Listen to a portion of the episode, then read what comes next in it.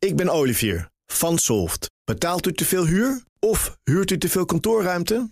Solft heeft de oplossing. Van werkplekadvies, huuronderhandeling tot de verbouwing. Wij ontzorgen u. Kijk voor al onze diensten op soft.nl. Blijf scherp. BNR Nieuwsradio. The Big Five. Diana Matroos. De kaarten op het wereldtoneel worden opnieuw geschud. En ik vraag me af welk politiek spel de grote machtsblokken spelen. En wat dat met de positie van Nederland doet. En daarom ga ik deze week in gesprek met vijf top-experts. in BNR's Big Five van de geopolitiek. En vandaag is dat journalist en niemand minder dan onze eigen buitenlandcommentator Bernard Hammelburg. Met wie ik een rondje over de wereld uh, gaan maken. Maar extra inzoom op Amerika, waar hij deels woont. En waar je ook uh, correspondent was uh, natuurlijk. Nou, zeker, zeker, Zeer zeker, een tijdje meer, geleden. Meer dan twintig jaar geleden. Meer dan twintig jaar ja. geleden, maar het blijft op je cv staan. Uh, Bernard, ja, ja. Uh, welkom. Dankjewel, fijn om hier te zijn. Voordat ik het met je ga hebben over al die verschillende machtsblokken... want we gaan daar extra op uh, inzoomen... wil ik twee dingen van je weten. Allereerst, wie is er nu de baas in de wereld? Um, dat is een hele goeie. Ik denk nog steeds de Verenigde Staten, maar het is kantje boord. Spannend. Ja. En dan ten tweede, uh, vandaag precies over een jaar, op 8 november 2022, zijn er weer Amerikaanse verkiezingen. Als jij dan in New York bent, hoe praten de New Yorkers daarover?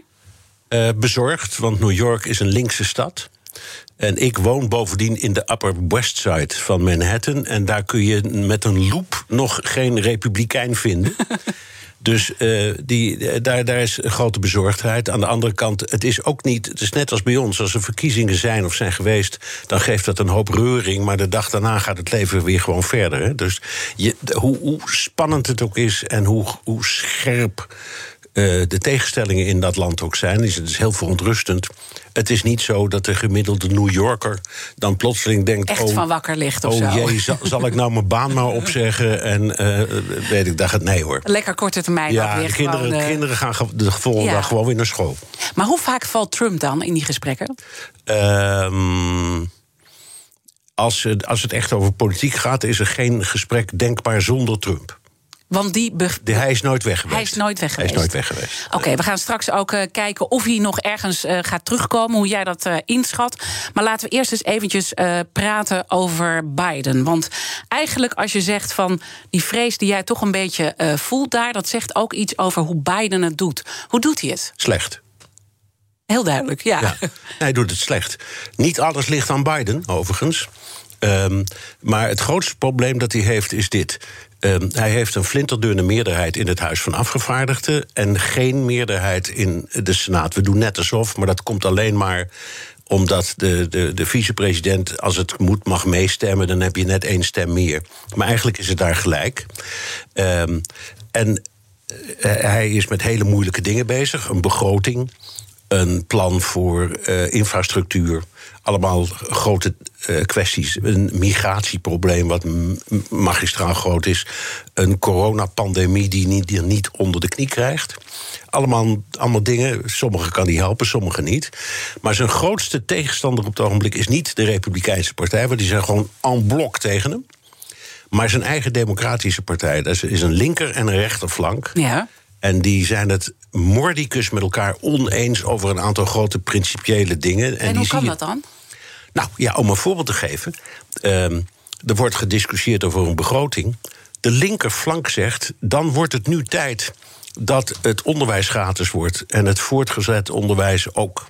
Dat bijvoorbeeld voor arme mensen hoorapparaten in het eh, ziekenfondspakket komen. Van dat soort dingen. Dat zijn typisch, laten we maar zeggen, linkse wensen. Aan de rechterkant heb je een paar, eh, eh, twee senatoren zeker, misschien wel meer, die eh, da- daar eigenlijk het niet mee eens zijn. Ehm, er zit één uit de staat West Virginia. Dat is een kolenstaat. Die is ook in het zadel ge- gehesen door de kolenlobby. Eh, en de vakbond. Dus die, Joe wil ze- dat, ja, die moet rekening houden met Ja. zijn achtergrond. Dus die is ontzettend tegen de 555 miljard dollar die in die begroting staan voor Maar klimaatverandering. Dit is dus je eigen achterban. De eigen partij Die dus helemaal haalt, overhoop ja, ligt. haalt. En om een voorbeeld te geven, nu net, dat is echt nu het nieuws van de afgelopen dagen. Er waren twee begrotingen die lagen klaar. Eén was over infrastructuur van ruim 1 biljoen. Dat is dus 1000 miljard dollar. Daar was eigenlijk niet zoveel controverse over. Dus die is nu aangenomen. Ja, je zag hem heel blij. eh, Ja, maar, maar, er, was een andere, er was een andere. Hij is begonnen met een algemene begroting Ja. van 3000 miljard. Dat was kansloos. Dat heeft hij ingekrompen tot 1,75 of of 1750 miljard. Eh, en daar ontstond die ruzie in de Democratische Partij over. Want die linkervleugel zei: ja, maar al onze wensen zijn eruit. En de rechtervleugel ook. Dus alles wat voor die vleugels belangrijk was, was eruit. En die heeft de Democratische Partij, de Democratische Partij, nu net voor het weekend teruggetrokken. We brengen hem voorlopig niet in stemming. En hij had gehoopt die twee begrotingen, infrastructuur Ja, en de ja. algemene Dus- begroting dus aan te kunnen. Dus hij verkoopt het als een enorme overwinning. Maar Ja, want een- dat zie je overal. En Ja, ik bedoel, ook het- alle media is- gaan het- daar dus in mee. Een enorme maar- overwinning voor Biden. Ja, en, ja, maar niks. Nee, want, die, want kijk, eh, alle Amerikanen zijn voor nieuwe wegen en nieuwe bruggen. Maar nou, jij kent het land ook. Het is hard nodig, joh. Ja. Je, je, het- je rijdt over een maanlandschap als je daar in de auto stapt. Ja, en, dan- en dan wil ik toch eventjes terug. Hè, want eh, na zijn eh, eerste 100 dagen als president waren bijvoorbeeld de Volkskrant eh, die kopte vervolgens. De 78-jarige Joe Biden heeft zich eh, ontpopt tot een energieke en radicale hemelbestormer.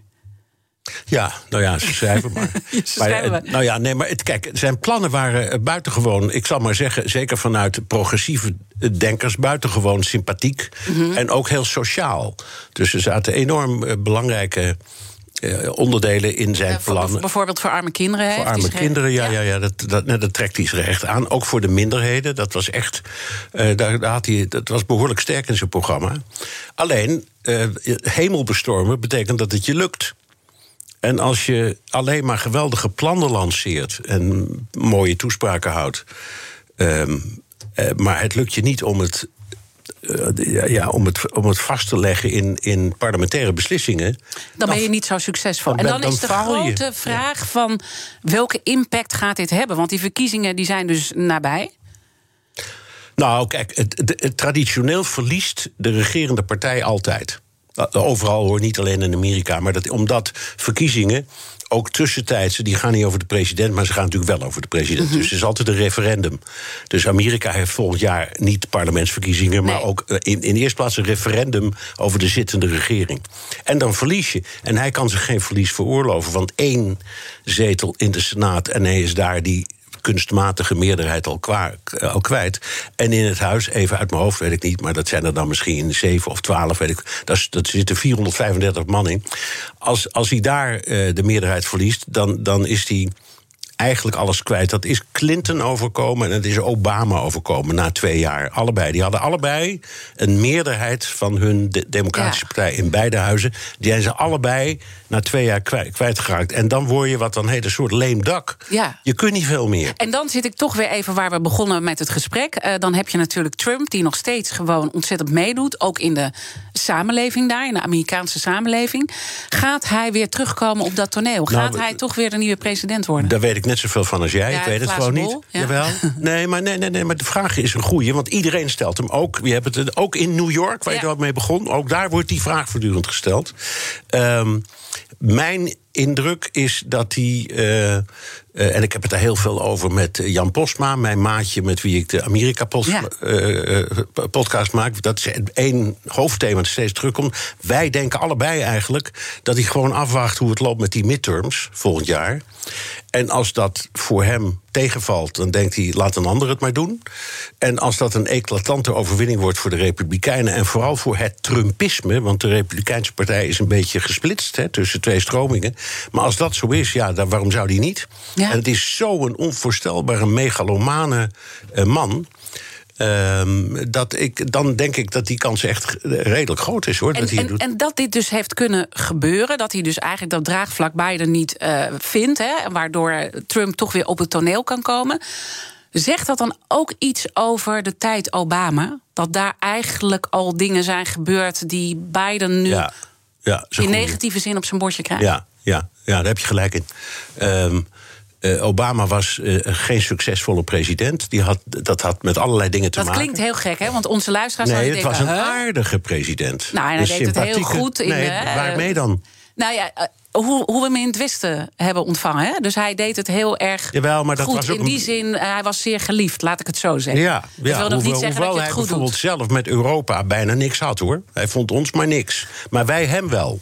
En er waren natuurlijk zijn, zijn opvattingen die eh, spraken ons aan. Maar goed, er is een heel verhaal over hoe Obama het heeft gedaan. Maar Trump Hebben wij was. ooit nog een mooie theatershow Zeker, daar hebben we een theatershow over gemaakt. En met Kees de Kort erbij, Ja. met z'n drietjes. En, en, Geweldig was dat. Ja, was geweldig. En, maar dat was ook over dat Ja. thema. Van, eh, waar, en, en, eh, nou ja, onze Ik was in shock eigenlijk toen de evaluatie was. Obama heeft het helemaal niet zo goed gedaan. Nee. Nee, Ik- dat was- nee, maar dat hebben wij toen helemaal uitgeplozen. En dat, nou, dat, dat, dat voert nu te lang. Maar je kunt allerlei dingen bedenken waardoor je zegt... hij heeft het niet zo goed gedaan. Dus ja, de, de verkiezing van Trump was een, een, een referendum over Obama. En dat hoorde je ook bij de kiezers en dat zag je ook in de peilingen. En werkt dat dan nu door bij Biden? Ja, want Biden was zijn rechterhand. Ehm, dus dat wordt hem nog steeds kwalijk genomen. En zelfs dus bij zijn eigen democraten. Nee, dat is niet, het is niet, niet zo bij zijn eigen democraten. De- het is meer zo dat de democraten van hem verwachten... dat hij die verschillende standpunten allemaal in één eh, politieke visie kneedt. Ja. Dat zou hij ook moeten doen, vind ik, Ja. als partijleider. En dat lukt hem niet. En is dat dan toch Sleepy Joe, wat eh, Trump over hem zegt? Eh, Heeft dat daarmee te maken met ja, een man? daar- ja, Graag. Ja, ja, ja, Ja. er is een verschil tussen een mooie toespraak kunnen houden en. ehm, we hebben toen in die show er ook gehad over Lyndon Johnson, die voor mij nog altijd het voorbeeld is van, een, van een, de, de, misschien wel de meest succesvolle in die zin. Want als die iets wilde, dan belde die alle 435 leden van het Huis van Afgevaardigden voor en andere honderd, alle honderd senatoren op. Of hij ging langs, of hij stond ze op te wachten met de lift. En hij schold ze verrot en hij bracht bloemen naar hun vrouwen. Eigen, alle 535 benaderden die om een wet erdoor te krijgen. Nou, dat zie ik Sleepy Joe niet doen. The Big Five. Diana Matroos. Mijn gast is onze eigen buitenlandcommentator Bernard Hammelburg. Laten we nu, Bernard, een stap maken naar het wereldtoneel. Wel nog vanuit dat Amerikaans perspectief, hè, maar het gaat over geopolitiek eh, deze week. Ehm, als je kijkt eh, naar wat Biden daarin doet. eh, eigenlijk zei hij toen hij net aanvaard werd: eh, Amerika is terug. Maar dat is volgens mij niet wat je ziet nu. Nee, nou ja, het is iets genuanceerder. Eh, de, de, de intentie is er in elk geval. En je moet ook even de vraag stellen: wat betekent nu Amerika is terug? Is dat in, in de manier waarop het omgaat met internationale handel? Is dat de rol die het speelt binnen de NAVO? Eh, dat zijn allemaal dingen die speelden. Want Trump was systematisch bezig om, ik zal maar zeggen, de handelsbetrekkingen te verbreken, te verkleinen. Eh, De relatie met China verslechterde enorm snel. Eh, Maar ook die, de relatie met de NAVO. Hè. Op een bepaald moment heeft hij ook betwijfeld of de NAVO wel zin had. Wat dat betreft heeft Joe Biden een andere opvatting. Dus hij zegt, ja, op dat punt zijn wij echt terug. En daarom, je vroeg aan het begin, wie is nou de sterkste in de wereld? Amerika heeft nog altijd veruit de grootste en krachtigste krijgsmacht. En wij maken daar gebruik van. En wij krijgen ook, ja, ons nieuwe gevechtsvliegtuig is Amerikaans. En eh, bijna alle grote wapens die wij hebben zijn Amerikaans. Ja, dit is wat je altijd zegt: hè? macht gaat puur om de vloot. Nee, het gaat om twee dingen. Het gaat om de omvang van de economie en de economische invloed. En het gaat om, ja, het gaat om. eh, Militair. Het gaat om de krijgsmacht. Ja. De, de omvang maar van dat de is krijgsmacht. eigenlijk het belangrijkste. Zeg Ja. je altijd als het gaat om het machtsvraagstuk, is dat het belangrijkste. Dat zijn de belangrijkste eh, kwesties. En dan heb je ook allerlei andere dingen, zoals morele invloed. Mhm. Eh, maar Biden heeft bedoelde met eh, America's Back twee dingen. Ik, ik wil af van die enorme conflicterende situatie met andere landen. Dat is hem niet gelukt. Ehm, en in Europa is er een enorm wantrouwen. Dus bijvoorbeeld binnen de NAVO zeggen ze: hè, hè, Amerika neemt de leiding weer, maar ze geloven het eigenlijk niet helemaal. Dat vind ik eerlijk gezegd heel verontrustend. Er is enorm voortdurend. Eigenlijk de opstelling van Europa vind je verontrustend. Europa, Europa denkt, ja, je roept het nou wel, maar wij vertrouwen het niet helemaal. Nee, maar is dat dan heel gek als je ziet hoe dat in Afghanistan ging? Iedereen werd eigenlijk overvallen Ja. door de Amerikaanse Nee, actie. dat is, Europa heeft ook gelijk. En bovendien, eh, het was, ik weet niet meer hoe die heette, ik geloof Renzi, Amerikaanse een Italiaanse Italiaanse politicus die zei: ja, het, het hangt allemaal af van een paar duizend stemmen in Arizona en in Georgia. En voordat je het weet, slaat het weer om. En dan is dit. Dus, dat, dus dat is die onbetrouwbaarheid. Die onbetrouwbaarheid. En dat bestond eigenlijk niet zo. Ook niet onder Obama.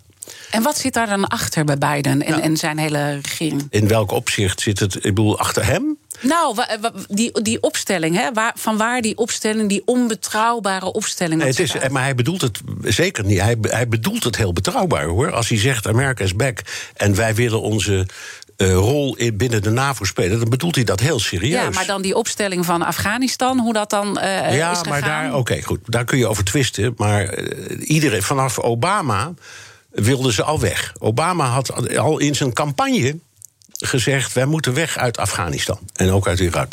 Trump deed hetzelfde. Ja. En Biden deed ook hetzelfde. Het is alleen Obama en Trump niet gelukt. En Biden had dus als redenering. Um, dit geeft een ontzettende clash. Maar iemand moet op een bepaald moment het gewoon maar doen. Dat ben ik dan maar. Ja. He, dus je kunt, je kunt hem erover aanvallen. Maar dat het nou helemaal onverwacht kwam, dat is ook niet waar. Dus dat is eigenlijk al het frame wat er over Trump ja, hing. Is dat Obama uh, eigenlijk. Die was ook al bezig met wat meer terug te trekken Zeker. als politieman van de wereld. Zeker, en dat zei hij ook. Ja. ja. Dus wat dat betreft zijn die drie presidenten het eigenlijk met elkaar eens. Er zit bijna geen ruimte tussen de standpunten die ze alle drie Grappig, over. Maar we leggen het dus allemaal anders uit. We leggen het allemaal anders uit. En de, de, de bondgenoten, ook Nederland, want wij zaten daar nog met een groepje mensen, zeiden allemaal: we wisten wel dat het zou komen, maar man. Uh, je kan niet van de ene op de andere seconde als een soort lichtschakelaar dat project beëindigen. Dat moet, je, dat moet een zekere geleidelijkheid zijn. En hij zei: ja, maar die geleidelijkheid loopt al vanaf Obama. Ja, ja. Dus, en, en Trump had al heel veel uh, soldaten teruggetrokken en infrastructuur. Gaan ze maar door.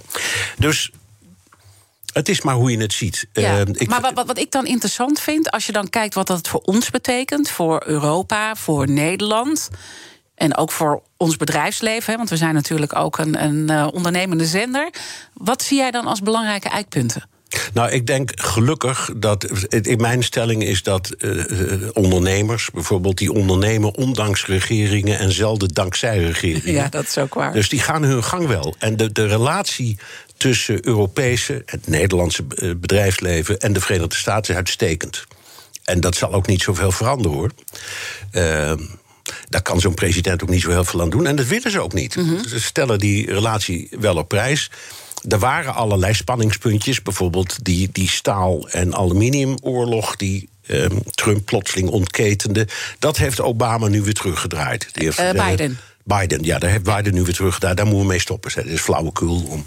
Oké, okay, dus daar zie je niet veel dus, uh, zorgen. Nee, maar uh, waar zie je dan wel de zorgen als het gaat over de positie van Europa met een Amerika die toch een iets andere opstelling kiest, wat al veel langer aan de gang was? Nou, het gaat om vijanden van buiten. Hè. Dus, dus het hele idee van de NAVO, dat is dus een, een, een bondgenootschap van democratieën die zich gezamenlijk te weerstellen tegen gevaren van buiten. En die zijn er en die nemen ook toe.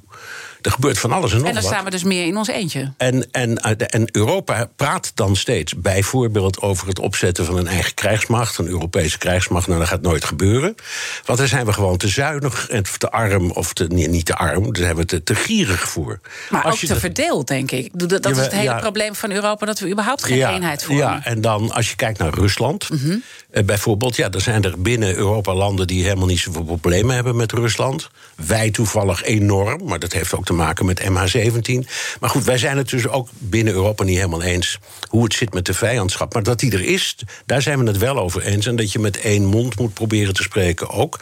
En dat dat het beste kan. Onder leiding van Amerika, daar is iedereen het ook over eens. Maar als Amerika eigenlijk toch wel een stapje terug doet en wij meer op onze eigen benen moeten staan, Ja, dat kunnen we niet. Dat kunnen we niet. Dat kunnen we niet. Nee. En dat is ook waarom de meeste pragmatische denkers in de geopolitiek zeggen: we kunnen vinden wat we vinden. Net als over China, dat is vreselijk wat er allemaal gebeurt. Maar als je de, de handelsbetrekkingen zou proberen te verbreken, dan val je zelf om. Dus je moet ook realistisch zijn. Dus de meeste geopolitieke analisten die zeggen: ja, het, het, het, zijn allemaal interessante praatjes, maar we zitten aan elkaar, we zijn met elkaar getrouwd. Kijk naar de nummer En wij één. moeten eigenlijk even met iedereen een beetje Ja, schuiven. dat moet. Dat moet. En een- een heel interessant voorbeeld. De grootste NAVO-partner is Amerika. Nummer twee is Turkije. Nou, er zijn allerlei spanningen met Turkije. Ook tussen Amerika en Turkije. En dat is iets wat Biden nu heeft geprobeerd. Die heeft gepraat met Erdogan en zegt: daar moet mee stoppen. Want ja, wij zijn toch de twee pijlers waarop die NAVO drijft. Hoe we ook over elkaar denken, dat moet. Ja. Dus, dus in, in, in dit soort dingen moet je pragmatisch zijn. Maar wat ik voel in Europa heel sterk, in, in, nou ja, bij- bijna bij iedereen, is van ja. We hebben het nu weer zoals we het ongeveer hadden bedoeld. Maar oh jee, er moet maar dit gebeuren en het valt om. Dan zijn we Amerika weer kwijt. Dat gevoel overheerst enorm. Ook in Den Haag, ook in Brussel. Eigenlijk ook in alle Europese hoofdsteden. Ja. Het is overweldigend hoor. Dat maar wat about China? Want daar ga ik het zo meteen met je over hebben. Met onze eigen buitenlandcommentator Bernard Hammelburg. Het gaat deze week over geopolitiek. En China mag daar natuurlijk niet ontbreken. De een is bang voor China, de ander zegt onzin. Benieuwd wat Bernard zegt. Blijf luisteren. Ik ben Sylvia van Solft. Betaalt u te veel huur of huurt u te veel kantoorruimte? Solft heeft de oplossing. Van werkplekadvies, huuronderhandeling tot een verbouwing, wij ontzorgen u. Kijk voor al onze diensten op soft.nl. Blijf scherp. BNR Nieuwsradio. The Big Five. Diana Matroos. Welkom bij tweede half uur. Deze week praat ik met vijf kopstukken uit de wereld van de geopolitiek. Later deze week praat ik nog met voormalig secretaris-generaal van de NAVO, Jaap de Hoop Scheffer. Praat ik onder andere ook over zijn kritiek op het Nederlandse defensiebeleid. Mijn gast vandaag is journalist en onze eigen buitenlandcommentator Bernard Hammelburg. Bernard, komend half uur wil ik in ieder geval nog eh, twee onderwerpen met je bespreken. Namelijk het machtsspel dat Rusland speelt, maar ook wat eh, China speelt. En laten we met China eh, beginnen. Want bij China hoor je altijd twee dingen. Eh, de ene is er bang voor en de ander eh, niet. Is die vrees voor China nou wel of niet terecht als geopolitieke macht? Ehm, die is terecht. Alleen de vraag is of je er zo bang voor moet zijn. Het is gewoon een land dat zich ontwikkelt eh, tot een grootmacht. En als, het, ik zou zeggen, als het een volkomen normale democratie zou zijn, dan zou je zeggen: ja, zo gaat dat in de wereld. Hè. Maar omdat het dat niet is, ehm, zijn we vaak bevreesd. Ehm, om maar een voorbeeld te geven. Je, je hebt het conflict over Taiwan. En eh, een paar weken geleden had je die enorme trits. eh, eh, vluchten van gevechtsvliegtuigen en bommenwerpers langs, Tira- langs de kust van Taiwan. Dat was naar mijn idee een luchtshow. Om aan Amerika en de rest van de wereld te laten zien: jongens, wij zijn geen kleine speler meer. We hebben een enorme luchtmacht. Dus kijk uit. Hè? Want is dat En- ook aan het begin eh, van, de, van de uitzending vroeg ik je wie is de baas? Ja, eh, en dat is Amerika, Amerika nog steeds. Ja, maar je op het ge- twijfelde Op het wel. gebied van de krijgsmacht is het dat steeds. Maar China laat zien dat het heel snel bijloopt. En een krijgsmacht is niet alleen meer eh vliegdekschepen en gevechtsvliegtuigen en kanonnen. Maar het is ook cyber. Daar zijn de Chinezen buitengewoon eh goed in. Misschien beter dan het Westen. Ehm, het, zijn, het is drones, het is allerlei nieuwe technologie, het is kunstmatige intelligentie. En op dat gebied zijn ze eh, steengoed. Dus in die zin is het een, een, nou ja, op zijn minst een waardige tegenstander. In, als, je, als je het netjes zegt. Dus Ja, daar en moet je dit, en rekening dit mee vind ik dus boeiend om eh, van jou te horen. Want ik weet dat je altijd over China. Dan zei je meteen militair, de krijgsmacht. Ja, mwah, Stelt niet zoveel. Nou, stelt dat, niet nee, zoveel. dat, dat neem ik bij terug. ja. Ik neem het terug en beweer nu het Nou, tegendeel. nou ja, Ja? het- dingen kunnen veranderen Ja, natuurlijk. het is veranderd. En dat, dat zie je heel snel gaan, ook omdat ze er zoveel in investeren. Dan heb je de economische kant. Ook dat is heel interessant, want ze groeien tegen de klip op, nog altijd. En eh, ze zijn nog steeds niet nummer één, dat is nog steeds Amerika. Maar Amerika groeit economisch niet zo hard. eh, als eh, China. China groeit nog steeds harder. En ja, er komt een omslagpunt, dan wordt het de grootste economie ter wereld. En ook daar kun je, daarvan kun je denken wat je wil, maar het is Maar gewoon het is een zo. feit. En, het daar is moeten we- gewoon en zo. daar moeten we dus mee leren omgaan. Ja. Eh, maar eerst nog even dat stapje terug. Want is eigenlijk die schrik die je ook wel voelt eh, bij mensen... dat heeft natuurlijk eh, te maken met hoe zij op een bepaalde manier... ook hun economie bedrijven. Maar heeft het ook te- ermee te maken dat wij het allemaal toch een beetje hebben weggegeven? En dat we ook een beetje schrikken hoe afhankelijk we zijn geworden? Nou, het is misschien ietsje cynischer dan dat. hè. We- Ze hebben jarenlang China voor, voornamelijk gezien als een lage lonenland. Dus we zijn daar enorm veel productie naartoe gaan brengen. Uh, op een bepaald moment had Philips daar een fabriek die maakte, geloof ik, CD's. Dat is een inmiddels alweer vergeten ding. Of cassettebandjes, nou dat soort dingen. En dat was zo groot dat dat was een heel stadje. Dat was alleen maar Philips. En daar waren we echt heel trots op dat oh, we dat zo hadden gedaan. Dat was fantastisch. En niet alleen Philips, want ik zie alle conferenties nog voor me... die ik ook heb voorgezeten, jaar geleden zaken doen met, uh, ja, met China. Hè? Bedoel, dat, we wilden dat allemaal en, zo gaan. En, de Chinezen hadden dus twee eh, buitengewoon sympathieke eigenschappen. Ze konden heel hard werken en maakten goede spullen. En ze waren bereid om mee te denken en mee te investeren... en een stapje terug te doen en gaan ze maar door. Um, dus daar hebben we gebruik van gemaakt. En dat betekent ook dat onze economieën zijn compleet verankerd en dat geldt voor de Amerikaanse en de Chinese economie en voor de Europese en de Chinese economie, ook de Nederlandse. Dus je kunt van alles roepen over hoe gevaarlijk het nu is en dat je moet uitkijken, maar die verankering is er en dat krijg je niet zo snel los. Dan over die uh, angst. Je had in, in, de, in de tijd van de Chinese keizers had je de, de zijderoute. Dus dan exporteerden ze zijde helemaal door China heen via Pakistan. Mm Dat kwam dan uiteindelijk in Europa terecht. Maar ook toen speelde hetzelfde als wat nu speelde. Want terug over diezelfde route kwamen Westerlingen met kennis. Dus heel veel van wat de Chinezen. Ze doen in feite hetzelfde nu. En nu heb je die nieuwe uh, zijderoute, die loopt als het ware van Shanghai tot Rotterdam. Uh, en daar komen allerlei goederen overheen. En aan de andere kant uh, komt de kennis. En dan is de beschuldiging van het Westen. Uh, jullie stelen onze kennis. Ja, maar wij nou, doen toch uh, precies hetzelfde. Als we de kans krijgen, zeker. Maar het is, het is een feit dat ze daar heel behendig in zijn. Maar we hebben het ze zelf heel lang laten doen. En uh, als je daar een bedrijf wil beginnen, het, is nu aan het veranderen hoor, maar dan is het zo, dat kan. Maar dan uh, is er altijd een Chinese partner en die heeft net 1% aan, meer aandelen dan. De, het is altijd 51 tot 49. Daar hebben we allemaal niet toegestemd, al die jaren lang. En nu zeggen we ja, maar dat kan niet. Want achter zo'n Chinees bedrijf zit eigenlijk de regering. Het is eigenlijk een staatsbedrijf. Het is eigenlijk niet eerlijk. We hebben geen level playfield. Er komen ze allemaal van dat soort uitdrukkingen. Maar het is een situatie die zo is gegroeid. Waar, zij waar we zelf ook voordeel uh, waar we zelf ook... van hebben met al die lage loonkosten. Ja, ja. En, dan, en dan is er nog iets wat China onderscheidt, denk ik, van anderen. Uh, zij hebben geen uh, hoe moet ik het zeggen, Calvinistische blik op de wereld. Dus bijvoorbeeld een Chinees zegt ontwikkelingssamenwerking. Uh, dat bestaat uit twee dingen. Uh, voor iets hoort iets. Dus uh, in, in Afrika daar halen ze de bodemschatten weg. In ruil daarvoor krijgen de Afrikanen scholen en wegen. Dat is hun opvatting. En gij zult u nooit bemoeien met de interne gelegenheden van een ander. Dus als je met Chinezen praat over mensenrechten. Ja. Dan gaan ze op tilt ook als je met Chinezen praat over de mensenrechten in hun eigen land. Ja, en dat, ja, jongens, dat doen sorry, wij wel, hè, want wij vanuit wij Europa gaan weer met het vingertje wijzen, de Oeigoeren. Jawel, dat, maar we hebben geen ongelijk. Alleen, nee. alleen je moet door hun ogen kijken en zeggen, waar bemoei je je mee? Nee, want wat heeft dat gedaan? Want als je het hebt over geopolitiek en de afhankelijkheden die we van elkaar hebben, en zij zijn dus een heel belangrijke machtsspeler, dan hebben wij terecht met dat vingertje gewezen. Maar hoe is dat in China aangekomen dan? Slecht. Ja. ja, daar zijn ze heel boos om. En dat zie je ook. Je ziet ook af en toe uh, wraakacties. Of, uh, uh, en en ehm, dat ook, ook in, in bedrijven die het heel moeilijk krijgen, pesterijen van allerlei kanten. En mhm. ook gewoon officiële protesten.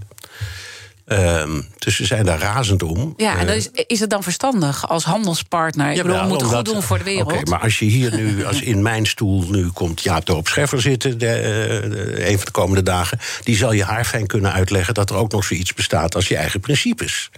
Dus je, je moet wel degelijk blijven zeggen wat je vindt. Ja. Uh, en, en, en, wij hebben een overtuiging in, in een aantal dingen. En dat heel, heel scherp op het gebied van mensenrechten.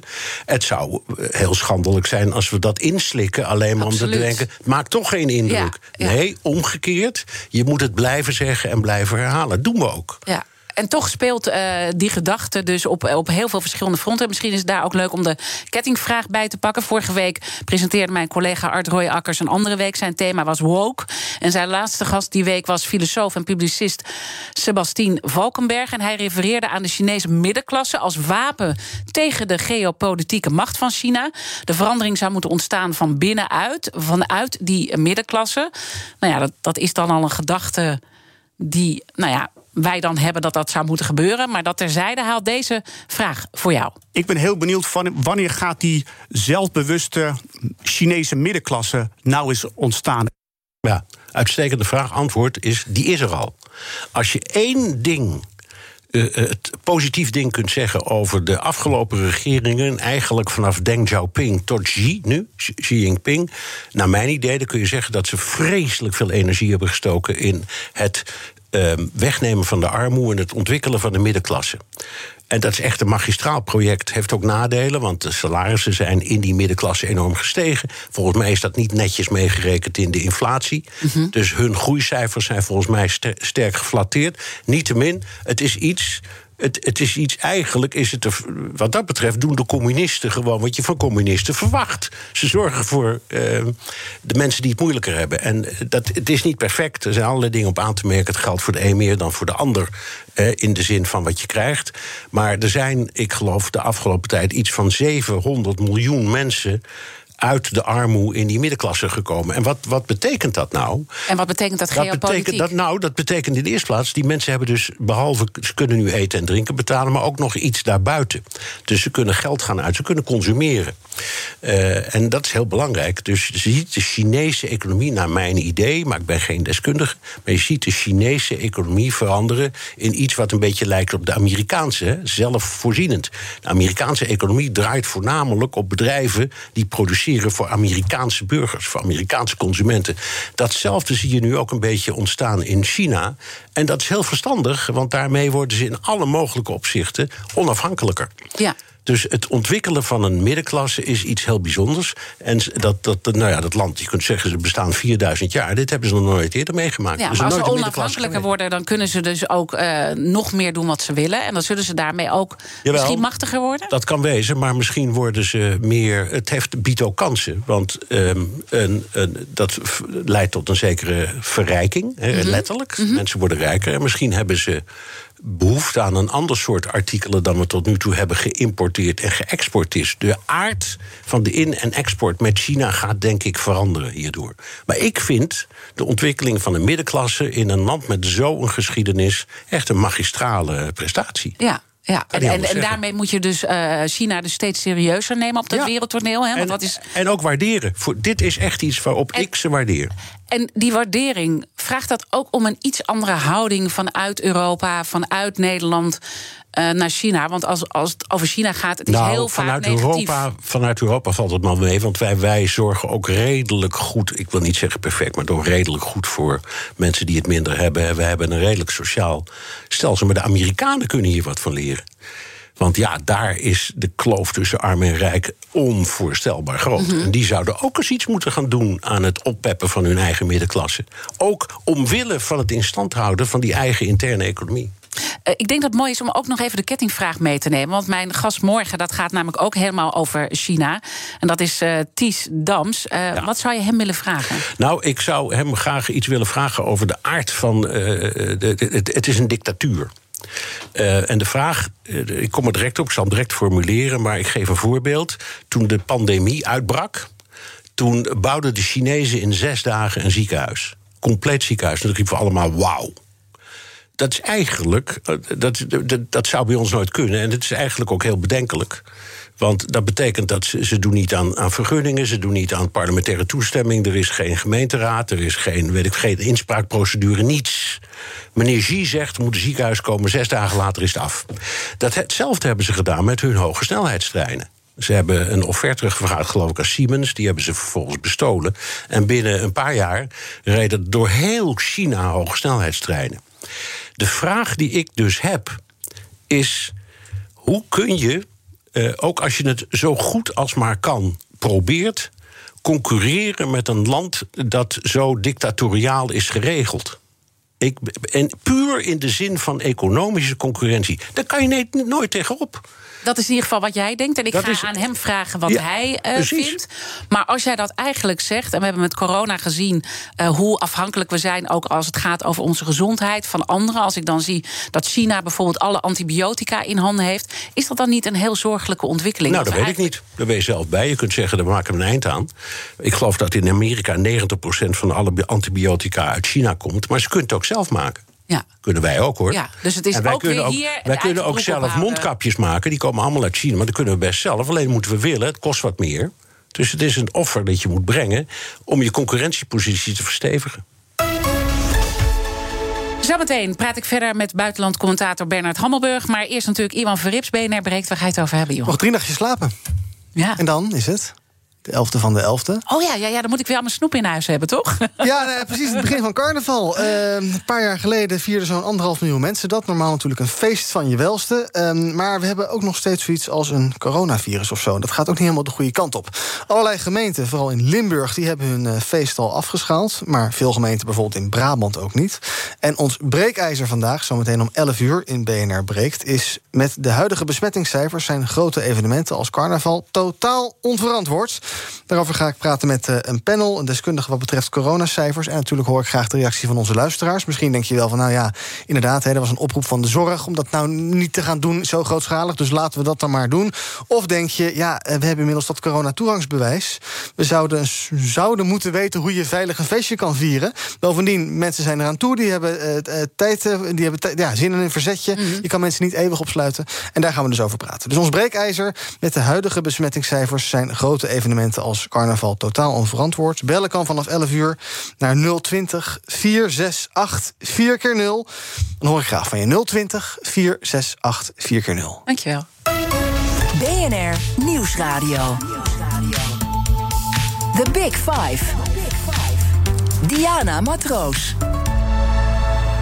Je luistert naar BNR's Big Five van de geopolitiek. Morgen praat ik verder over China. Zoals gezegd met China-expert Ties Dams. Want we zijn nog lang niet uitgesproken over dat immens grote en fascinerende land. Dus daar ga ik echt morgen een uur aan besteden. Mijn gast vandaag is Bernard Hammelburg, onze eigen buitenlandcommentator en journalist. En eh, ik zit naar de klok te kijken, Bernard. 6,5 minuut krap. eh, om het over Rusland te hebben. En eh, jij zei tegen de redactie in de voorbereiding: Rusland is als een mug. Ja, is het Ja. ook. De economie is, niet, is kleiner dan die van de Benelux. Eh, het land is het grootste land ter wereld met negen eh, tijdzones. Maar er wonen maar 140 miljoen mensen. Dat is dus ook helemaal niks. Die wonen voornamelijk in de steden. Ja. Ehm, ik zeg altijd, Rusland leeft van drie producten. Dat is olie, gas en kalasjnikovs. Dan heb je het wel eens een beetje gehad. Ehm, ze zijn ook niet inventief. Hoewel ze op het gebied van ehm, eh, eh, ICT wel briljant zijn. hoor. Want het zijn geweldige wiskundigen. Dus we horen al die verhalen over Ja, ja, ja. Russische inbraken in, in, in, in, eh, in verkiezingen en dat soort dingen. Dat kunnen dat ze ook. cyber, eh, ja, dat kunnen ze heel goed. Dus daarin groep, maar verder En heel erg klein. Maar dan klein. denk ik toch, die gasimport, zo'n 40% van de gasimport van eh, Europa komt uit Rusland. Ik denk wel meer zelfs, maar dat weet ik niet. Maar het kan, ja. En Ja. zeker nu die nieuwe pijplijn open gaat, en dat gaat die. Ja. Ja. En we weten natuurlijk, eh, we voelen het nu enorm met die gastekorten. Ja, ja. Dus dan, dan, dan zijn ze toch geen mug? Nee, het is, maar goed, je kan ook zeggen, we doen het niet. Ja. We kopen het ergens anders. Amerika staat te popelen om ons gas te verkopen. Dus ook dat is weer een kwestie van rekenen en, en, en, en prioriteiten stellen. Je kan er buiten. Het is lastig, maar het zou kunnen. Ehm, het is wel makkelijk, want Rusland, ondanks wat er allemaal van de Russen wordt beweerd, zijn in hun leveringsverplichtingen ongelooflijk betrouwbaar. Dus als je een deal maakt met de Russen, weet je altijd zeker dat ze niet gaan rommelen met de prijs. En je weet zeker dat ze leveren. Dat is fijn en makkelijk. Ja, terwijl daar wel anders over wordt gesproken. Ja, dat, dat het is- allemaal niet zou eh, Nee, maar, kloppen. Ja, en eh, zij kunnen de kraan dichtdraaien. Nou, dat doen ze niet. Ze Nee. hebben het één keer even gedaan, maar er was een conflict met Oekraïne. Dat had niks met ons te maken. Maar onze levering is eigenlijk. ja, dus dat is ook weer zo'n interessant frame, zijn, wat allemaal, het zijn niet... allemaal een beetje frames. Nou, dan heb je nog een paar dingen. Dat is de krijgsmacht. Mhm. Die is eh, eh, wel groot, maar niet zo geweldig goed. Eh, dus ik weet niet. Ja, hun kernwapens zijn geweldig. Maar ik weet niet of ze met hun, laten we maar zeggen, conventionele krijgsmacht nou zoveel kunnen. Ehm, en dan eh, kun je ook zeggen, de, het enige waar ze hun, hun machtspositie aan ontlenen is het feit dat ze een permanente zetel hebben in de Veiligheidsraad. Dus dat is echt heel belangrijk. En, en is dat dan waar dan die angst dan toch een beetje vandaan komt? Nou, dat hoor je nee, ook is- vaak. Hè? Er is een soort angst eh, voor China en Xi Jinping... en een soort angst voor wat gaat Poetin allemaal doen. Ja, nou ja, en het feit dat die, die, die ruzie over eh, middellange afstandswapens, dat ligt ook aan ons hoor. En, maar ook aan hem, dat hij al die, die raketten is gaan zetten op dat eilandje bij Polen, Kaliningrad. Dat is verontrustend. Alleen ik denk dat Poetin niet van plan is om op de knop te drukken. Waarom zou die? Want dat betekent dat hij dat is het einde van zijn eigen land. Dus wat dat betreft valt dat allemaal wel mee. Ehm, het is ook zo dat heel veel landen veel milder denken over Rusland dan wij de Duitsers traditioneel al sinds Willy Brandt, hè, met de bekende Oostpolitiek, die zag en, uh, Duitsland als een soort bemiddelaar tussen mhm. Rusland en de rest van de wereld. En Angela Merkel zag dat eigenlijk ook steeds. De, die, die traditie is er nog steeds. De Grieken, van, misschien om religieuze redenen, de Hongaren, allerlei andere landen, die zijn helemaal niet zo anti-Russisch. Die, nee. die hebben dus helemaal dat zit meer in ons. En, je zou en ook dat kunnen komt zeggen, bij ons voornamelijk door MH17. Ja. Dat heeft bij ons, en de Krim natuurlijk, maar... Ah, het was daarvoor al, maar MH17 de, de Krim, heeft tot het de verder... Krim, Tot de Krim was die relatie prima. Ja, ja. En dat was een, echt een, uh, nou ja, ik wil geen grap maken, maar een breekijzer. En um, uh, en, en, het, en, en MH17, dat Ja. is voor Nederland weegt dat veel zwaarder dan voor de rest van de wereld. Uh, en dat is begrijpelijk. En Mhm. Het is ook heel goed dat de Nederlandse regering daar steeds maar op blijft hameren. Maar dat is voor ons het pijnpunt. Dus wij hebben nog een groter wantrouwen tegen Russen. Dan, Dan de rest van eh, de wereld. Ook goed om te beseffen. Omgekeerd, als je iets weet van Russische geschiedenis, ze hebben een onvoorstelbaar wantrouwen tegen ons. Dus dat is wederzijds. Ze zijn ervan overtuigd dat wij niets anders willen dan het land veroveren, zo snel we maar kunnen. Dus toen de NAVO eerst zei. ehm, we houden het rustig. En tien dagen later, bij wijze van spreken, was opgerukt tot de Russische grens. Ja. Ja, als je iets van Russische geschiedenis weet, als hun grenzen in gevaar komen, ja, dan gaan ze op tilt. En dat zie je een beetje gebeuren. En dan zei je, in, eh, als we het toch een beetje samenvatten, dit uur... Hè, eh, Amerika is nog steeds de baas van de wereld, maar wel minder de baas. China eh, is echt gewoon een hele serieuze... die steeds meer die positie zou kunnen overnemen. Rusland is die mug. Hoe moeten wij ons dan als Europa... want we zijn toch een beetje een klein duimpje en Nederland... hoe moeten we ons nou opstellen in dat spel? Want het is dus wel Nou ja, complexer geworden. ja, je kan je pas opstellen in dat spel als je eenheid hebt. En die hebben we niet. Je moet beginnen met een gezamenlijk buitenlands beleid en een gezamenlijk defensiebeleid. Hebben we niet. Nee. Als we dat hadden, zou het een stuk makkelijker zijn. Want we zijn het grootste handelsblok. 450 miljoen mensen is een hoop. Alleen we maken daar geen gebruik van. En wij hebben geen. eh, En het zit er ook niet aan te we hebben komen. geen Jack Ma, we hebben geen Elon Musk, we hebben al dat soort dingen. Wij, wij zijn lui. Ja. Vooral op het gebied van technologie en van ontwikkelen. We zijn lui. En de Chinezen en Amerikanen niet. Die werken zich het schompers om eh, hun positie in de wereld te vergroten. Dus dat is de les die wij zouden moeten Ja. leren. Alleen, ik denk dat we heel hard leers zijn. Ja, minder kibbelen met elkaar en aan de slag. Dat is echt waar. Dus voor Europa is het erop of eronder nu. Ja, maar ik zie het nog niet aankomen. Ik ook niet. Nee. Nee. Nee, nou dat is, dat is toch een beetje een treurig einde van, van deze uitzending. Ik wil je heel erg danken dat je hier een uur eh, bij ons wilde zijn. Onze eigen buitenlandcommentator Bernard Hammelburg. En later deze week ga ik dus heel specifiek in op de verschillende machtsblokken. Om daar echt apart aandacht aan te besteden. En luister vooral ook al onze afleveringen van BNR's Big Five terug. Je vindt de podcast in de BNR-app en op bnr.nl. Maar blijf live. Zometeen iemand Verrips BNR breekt over de carnavalsevenementen. Ik wens je een mooie dag. Ik ben Olivier van Solft. Betaalt u te veel huur of huurt u te veel kantoorruimte? Solft heeft de oplossing. Van werkplekadvies, huuronderhandeling tot de verbouwing. Wij ontzorgen u. Kijk voor al onze diensten op soft.nl.